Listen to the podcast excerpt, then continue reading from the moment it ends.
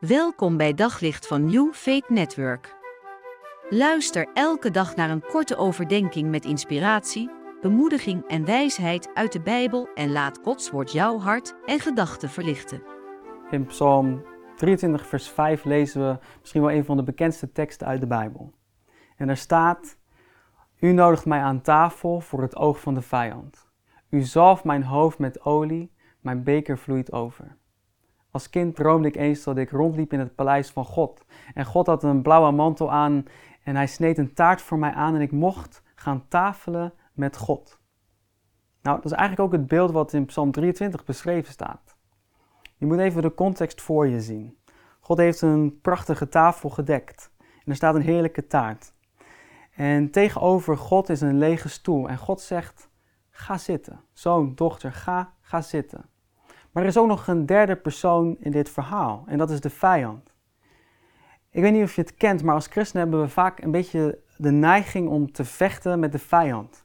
Maar als we goed kijken naar wat er in Psalm 23 beschreven staat, dan zien we dat de enige plek die de vijand heeft in Psalm 23 is de plek van toeschouwer. Hij kijkt toe hoe God de tafel dekt, hoe hij de taart aansnijdt, hoe hij misschien wel een heerlijke hemelse latte macchiato inschenkt.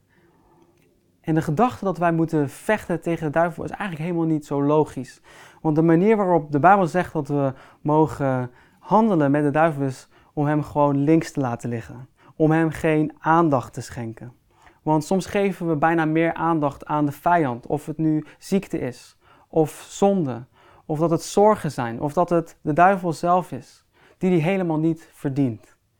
Het enige wat we moeten doen is aan tafel gaan zitten bij God. En dat is hoe we onze strijd strijden.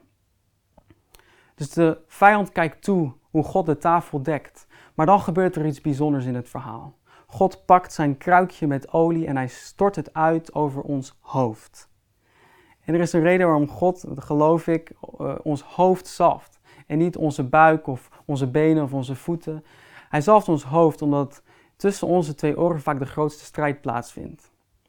Het, alles begint in onze gedachten. Ik weet niet of je het kent, maar ik ben een nogal impulsief persoon. Dus als ik ergens aan denk, dan wil ik het eigenlijk meteen doen.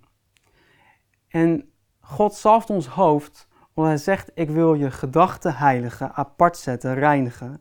En ik wil je gedachten geven van redding, van hel en van verlossing. En als je gaat kijken naar de wapenrusting in Efeze 6, dan zie je dat Paulus ook spreekt over de helm van de verlossing. Met andere woorden, God wil ons gedachten geven van hel, van verlossing en overwinning. En ik wil je vandaag uitdagen. Ga eens aan die tafel zitten die gedekt is door God. Neem plaats en geniet van het feit dat de enige plek die de vijand heeft, de plek is van toeschouwer. Op zoek naar nog meer geloof, hoop en liefde. Op New Faith Network vind je honderden christelijke films, series en programma's. Nog geen lid? Probeer het 14 dagen gratis op newfaithnetwork.nl.